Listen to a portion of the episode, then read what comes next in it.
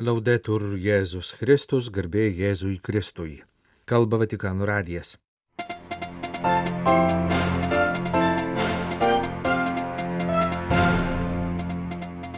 Dubajaus konferencijoje popiežių pavaduoja Vatikano valstybės sekretorius. Kanonų teisė te būna labiau pastoracinė ir misionieriška, pareiškė popiežius Pranciškus. Vatikane įteiktos šių metų Ratzingerio premijos. Gruodžio ketvirtą dieną sukanka 60 metų nuo Vatikano antrojo susirinkimo liturginės konstitucijos paskelbimo.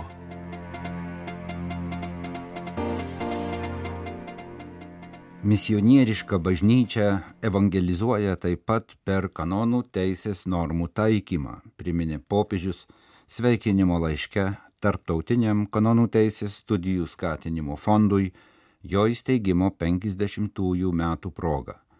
Pasak Pranciškaus, visos bažnytinės struktūros ir dimensijos turi įsipareigoti pastoraciniam ir misionieriškam atsivertimui, kad pasauliui perduotų vienintelį jam reikalingą dalyką - Jėzaus gailestingumo evangeliją. Taip pat kanonų teisė yra gavusi šį Jėzaus bažnyčiai suteiktą siuntimą todėl ir kanonų teisė privalo būti labiau pastoracinė ir misionieriška. Tai nereiškia, kad galima padėti normas į šalį ir daryti kaip norima, o kad jas įgyvendinant būtų siekiama, kad tikintieji į Kristų pajustų šalia esantį gailestingąjį Jėzų, kuris nebaudžia, o ragina daugiau nenusidėti, nes suteikia malonę. Todėl net ir tais atvejais, kai reikia skirti griežtą bausmę padariusiam labai rimtą nusikaltimą, bažnyčia, kuri yra motina, suteiks būtiną pagalbą ir dvasinę paguodą, kad jis atgailaudamas galėtų susitikti gailestingai tėvo veidą. Visi pakrikštytieji, bet ypač vyskupai ir vienuolyjų vyresnieji, yra įpareigoti vykdyti šį uždavinį. Būtent šitaip misionieriška bažnyčia evangelizuoja kanonų teisės normų taikymu, pažymėjo sveikinimo laiške popiežius Pranciškus.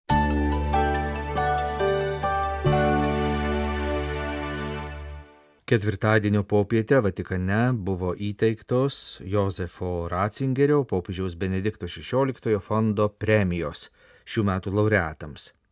Šiais metais Ratzingerio premijomis buvo apdovanoti ispanas teologas Pablo Blanco Sarto, dėstantis Navaros universitete, ir filosofas Franceskas Toralba, Barcelonos Ramon Liul universiteto profesorius. Apdovanojimus jiems įteikė popiežiaus valstybės sekretorius kardinolas Pietro Parolinas. Jozefas Ratzingeris niekada neketino kurti savo mąstymo sistemos ar steigti savo mokyklos, bet mokė mus ieškoti ir rasti tiesą proto jėga ir tikėjimo šviesa, visuomet išlaikant protą atvirą dialogui su žmonėmis, mokslo disciplinomis ir didžiosiomis religinėmis tradicijomis. Per apdovanojimo iškilmę kalbėjo Josefo Ratzingerio popiežiaus Benedikto XVI fondo pirmininkas tėvas Federico Lombardi. Pasak jo, dramatiškais laikais, kuriais gyvename, asmens orumas ir jo gyvenimo bei buvimo pasaulyje prasme išmėginami iš pagrindų. Šia prasme mums labai svarbus popiežiaus Benedikto XVI palikimas. Jis gerai suvokė žmonijos kelionės galimybės ir pavojus, taip pat bažnyčios misiją dėl žmonijos išganimo. Jis ir šiandien skatina mus drąsiai ir kartu nuolankiai ieškoti tvirtų, visiems bendrų atskaitos taškų. Prieš apdovanojimų įteikimo ceremoniją ketvirtadienio rytą premijos laureatai aplankė Benedikto XVI kapą Šventojo Petro bazilikos skriptoje. Juos taip pat priėmė popiežius Pranciškus.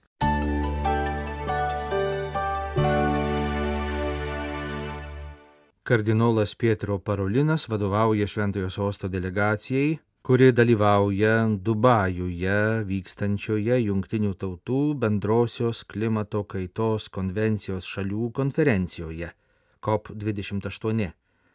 Jis pavaduoja popiežių Pranciškų, kuris dėl sveikatos pablogėjimo turėjo atšaukti savo kelionę. Šeštadienį kardinolas pasakys kalbą, kurią turėjo pasakyti popiežius. Sekmadienį kartu su tarp religinio dialogo dikasterijos prefektu kardinolu Angeliu Ajuzo Gišotu dalyvaus tikėjimo paviljono atidaryme. Prieš išvykdamas į Dubajų kardinolas Pietro Parolinas davė interviu Vatikano radijui, portalui Vatican News ir dienraščiui L'Osservatore Romano. Kardinolas visų pirma priminė nuo pat pontifikato pradžios Pranciškaus skiriamą dėmesį rūpinimuisi mūsų visų bendrais namais. Reikia drąsių ir ryštingų sprendimų tiek valstybių, tiek tarptautinės politikos mastu, kad žmogui negrėstų šališki, trumparegiški ir grobuoniški interesai. Konferencijos COP28 dalyviai raginami duoti aišku politinės bendruomenės atsaką, ryštingai spręsdami klimato krizę. Tikimasi, sakė kardinolas, kad Dubajaus konferencija taps lūžio tašku. Popiežius ir Šventasis Sostas dažnai kartoja, kad ekonominės ir techninės priemonės kovai su klimato krize yra būtinos, tačiau jų nepakanka. Reikia, kad jas lydėtų švietimo ir ūkdymo procesas, darantis poveikį gyvenimo būdo, gamybos bei vartojimo modeliams. Reikia atnaujinti integralaus žmogaus vystymosi ir tvarumo modelį, kuris būtų grindžiamas rūpinimusi, brolybė, žmonių bendradarbiavimu ir suvokimo, kad žmogų ir aplinką sieja glaudus ryšiai stiprinimu. COP28 konferencija Dubajuje vyksta tokiu metu, kai netoliese tame pačiame regione tęsiasi Izraelio ir Hamas konfliktas Dėl to pokalbėje su kardinolu Pietru Parolinu pereita prie Palestinos ir Izraelio taikos proceso temos. Teroristinis išpolis, kurį spalio 7 dieną prieš Izraelio gyventojus vykdė Hamas ir kitos palestiniečių organizacijos, sukėlė rimtą ir gilę žaizdą izraeliečiams ir mums visiems, sakė kardinolas. Dabar Izraelio ir Palestinos taikos procesas, kuris ir taip buvo sulėtėjęs ir beveik sustojęs, tapo dar sudėtingesnis. Pasak kardinolo, tai galbūt ir buvo teroristų tikslas. Jie visada deklaravo, kad Hamas nenori taikos su Izraeliu, bet siekia jo sunaikinimo. Tačiau tai netitinka Palestinos savivaldos, ypač prezidento Mahmudo Abaso valios. Jis nori užmėgsti dialogą su Izraeliu, kad būtų įgyvendintas dviejų valstybių sprendimas, kurį su specialaus statuso Šventojo Jeruzalės miesto siūlymui nuo seno remia Šventasis sostas. Kardinolas priminė, kad Vatikano soduose auga lyfmedis, kurį 2014 metais kartu su popiežiumi Pranciškumi ir patriarchu Baltramiejumi pasodino Izraelio prezidentas Šimonas Peresas ir Palestinos prezidentas Mahmudas Abasas. Mes ir toliau laistome jį vilties vandeniu, kuris teka iš maldos, taip pat iš diplomatinio darbo, sakė kardinolas. Interviu kalbėta ir apie pastarųjų dienų trumpas paliaubas tarp Izraelio ir Hamas, kurios leido išlaisvinti kai kuriuos įkaitus. Meldžiuosi ir užjaučiu kitas šeimas, kurios vis dar negali apkabinti savo artimųjų, vis dar pagrobtų gazoje. Tikimės, kad jie visi netrukus bus paleisti, sakė Pietro Parolinas. Jis taip pat paminėjo sunkę humanitarinę padėtį gazos ruožę, kurie kelia didelį šventojo sosto susirūpinimą. Būtina, kad kovos liautųsi ir būtų rasta kitų būdų, kaip nuginkluoti Hamas ir kitas palestiniečių organizacijas, kad jos nebekeltų teroristinės grėsmės ne tik izraeliečiams, bet ir patiems palestiniečiams. Kardinolas taip pat pasmerkė su gazos konfliktu susijusią antisemitizmo apraiškų bangą kitose šalyse. Antisemitizmas yra ir krikščionybės neigimas. Antisemitizmas tai mūsų pačių kilmės neigimas, absoliutus prieštaravimas. Krikščionys negali būti antisemitas, mūsų šaknys yra bendros. Galiausiai užsiminta apie Rusijos agresiją prieš Ukrainą. Šventojo sosto įsipareigojimas nemažėja. Toliau skiriamas dėmesys humanitariniams klausimams, tikimės, kad šios pastangos atvers kelią dialogui ir kitais klausimais, sakė kardinolas Pietro Parolinas.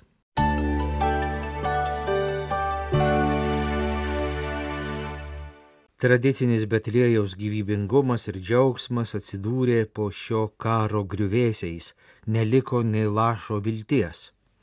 Italų katalikų žinių agentūrai SIR sako Šventosios žemės pranciškonų kustodijos vikaras tėvas Ibrahimas Faltas.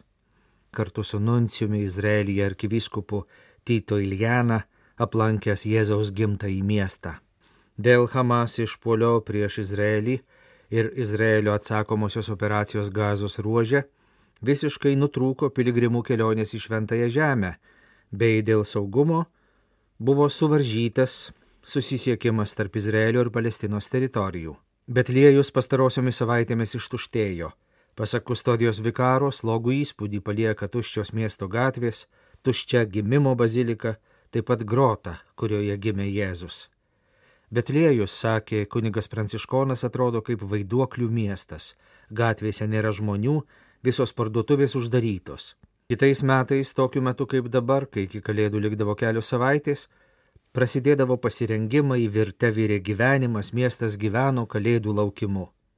Šiandien tos kalėdinės nuotaikos nėra ir net sunku ją įsivaizduoti. Šiemet nebus tradicinių šventinių renginių, o bus apsiribota tik liturgijos šventimu.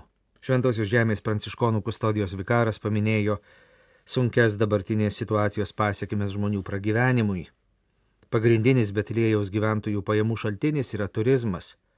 Dar neseniai žmonės labai nukentėjo nuo COVID-19 pandemijos, po to vėl atsirado piligrimų ir turistų, įprastinis gyvenimas ėmė palaipsniui atsigauti, o štai dabar vėl viskas staiga sustojo. Daug žmonių norėtų emigruoti, svajoja apie geresnį gyvenimą ramesnėse šalyse. Tačiau tenka išgirsti ir jaudinančių pareiškimų, kad reikia pasilikti, nes Betliejus tai miestas, kuriame gimė Jėzus. Tikėjimas žmonės skatina pasilikti savo žemėje.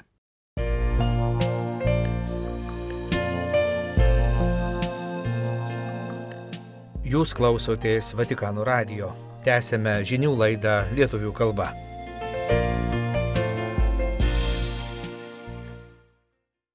Sacrosanctum Concilium 60-osios metinės. 1963 m. gruodžio 4 d. didysis sinodas nuo 1962 iki 1965 metų Romoje vykęs visuotinis bažnyčios susirinkimas arba Vatikano antrasis susirinkimas absoliučia susirinkimo tėvų balsų daugumą priėmė pamatinį dokumentą liturgijos reformos klausimų konstituciją Sacro Sanctum Concilium kurią paskelbė popiežius Paulius VI kartu su susirinkimo tėvais. Konstitucija liturgija iškėlusi kaip bažnyčios gyvenimo viršūnę ir versmę buvo pirmoji iš keturių susirinkimo priimtų ir popiežiaus paskelbtų konstitucijų. Už ją balsavo 2158 ir prieš 19. Popiežius Paulius VI supratęs, kad kai kurie liturgijos reformų klausimai pareikalaus didesnio pasirengimo ir laiko, netrukus sudarė tik jam pavaldžią tarybą konstitucijai apie šventąją liturgiją įgyvendinti. Tarybos teigiamajame dokumente motų proprio sakram liturgijam Paulius VI patikino, kad jo ir jo pirmtakų, kaip ir daugelio bažnyčios ganytojų, didelis rūpestis atkakliai saugoti, puoselėti ir pagal reikalą atnaujinti liturgiją kyla iš to, kad žemiškojoje liturgijoje jau iš anksto patirime tą dangiškąją liturgiją, vykstančią šventajame Jeruzalės mieste, į kurį kaip keleiviai einame, kur Kristus sėdi Dievo dešinėje, kaip einantis kunigystės tarnyba šventoje vietoje liturgijoje, draugė su visais dangaus kariuomenės pulkais gėdame viešpačiui garbės himną. Pagarbiai, prisimindami šventuosius, tikimės gauti kokią nors jų dalį ir prisijungti prie jų bendruomenės. Laukiame išgelbėtojo mūsų viešpaties Jėzaus Kristaus, kol jis mūsų gyvastis pasirodys ir mes su juo drauge pasirodysime šlovingi. Paulius VI karštai paragino visus tikinčiuosius, visų pirma dvasininkus, su giliu tikėjimu įsisamoninti konstitucijos dėsnius, kad galėtų juos įgyvendinti, kai tik įsigalios konkrečios normos. Jis kvietė viskupijų ganytojus, kad su kunigais, Dievo slėpinių skleidėjais, darytų viską, kad jiems patikėtų bendruomenių tikintieji suprastų liturgijos ypatingą stiprybę ir vertę ir galėtų kūnu ir dvasia pilnutinai ir pamaldžiai dalyvauti bažnyčios apieigose. Paulius VI nurodė kai kurias reformas įvesti tuoj pat.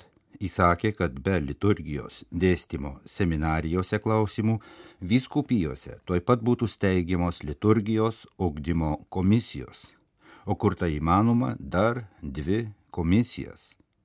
Viena sakraliniai muzikai, kita sakraliniam menui.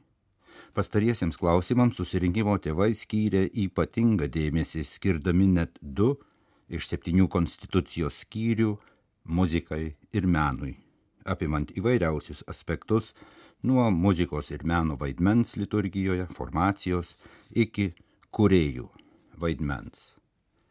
Konstitucijos autoriai priminė sekmadienio vertę, kviesdami sekmadienį viešpaties dieną pabrėžtinai švesti kaip pamatinę šventę, už kurią nėra svarbesnės, nes yra visų liturginių metų pagrindas ir branduolys.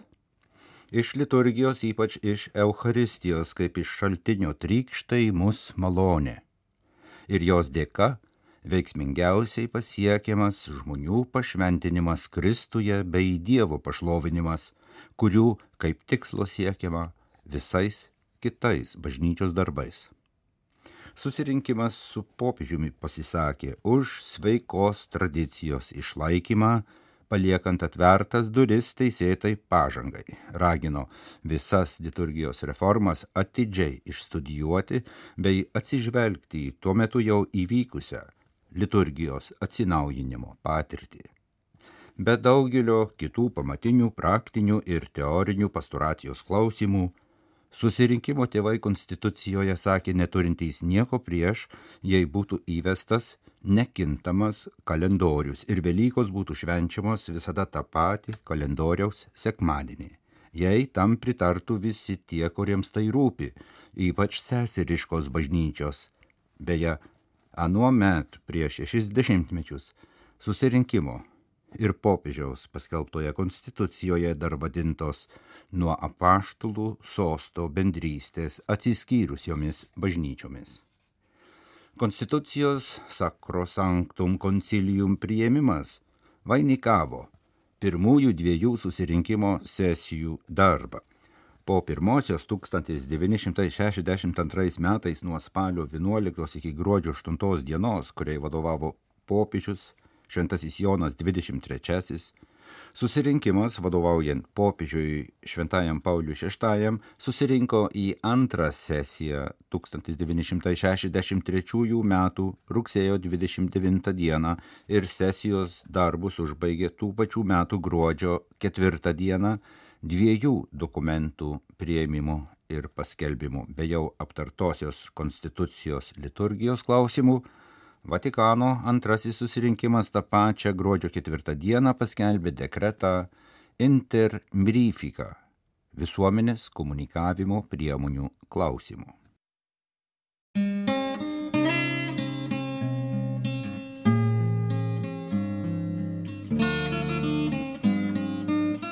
Kalba Vatikano radijas. Laidą lietuvių kalba baigėme.